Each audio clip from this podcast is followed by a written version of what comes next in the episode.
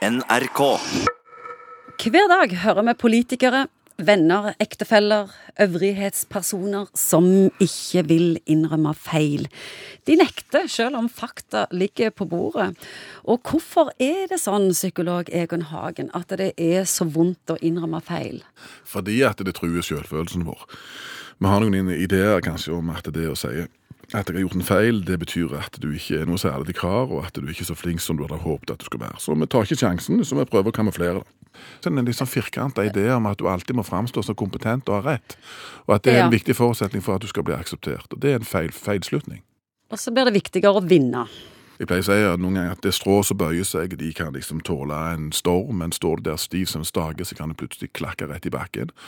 Så Derfor, det å innrømme feil, det skaper Det å snakke om eh, allmennmenneskelig sårbarhet er en vanvittig god måte å bygge tillit på. Ja, det syns jeg er en så rar ting, for jeg opplever jo mennesker som innrømmer feil som tillitvekkende.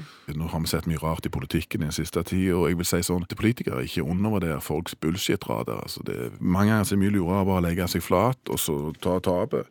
Det å lyge eller få akutt hukommelsessvikt, altså det er- Jeg vet ikke om det er så lurt. Folk eh, er ganske forstandige. Og vi vet jo òg at vi gjør jo alle feil.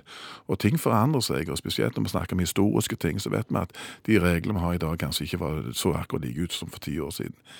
Og jeg tror at det å innrømme feil er en måte å bygge kredibilitet og troverdighet på, og gjøre at du ikke framstår som en voksaktig pappfigur som bare snakker sånn kommunikasjonsspråk, for det tror jeg det øker sannsynligheten for at politikerforakten bare får bedre vekstvilkår. Ja, for i den politiske debatten så blir den ofte aldeles forstokka og lite konstruktive, for han sitter der og skal vinne.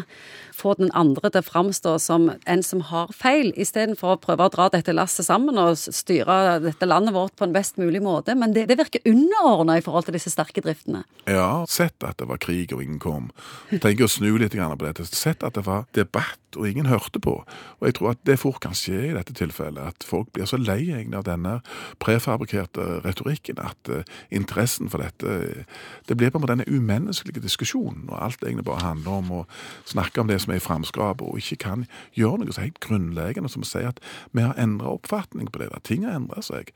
Vi er jo en, i en verden som endrer seg ekstremt fort. Selvfølgelig må jo òg konklusjoner og svar på samfunnsspørsmål også endre seg.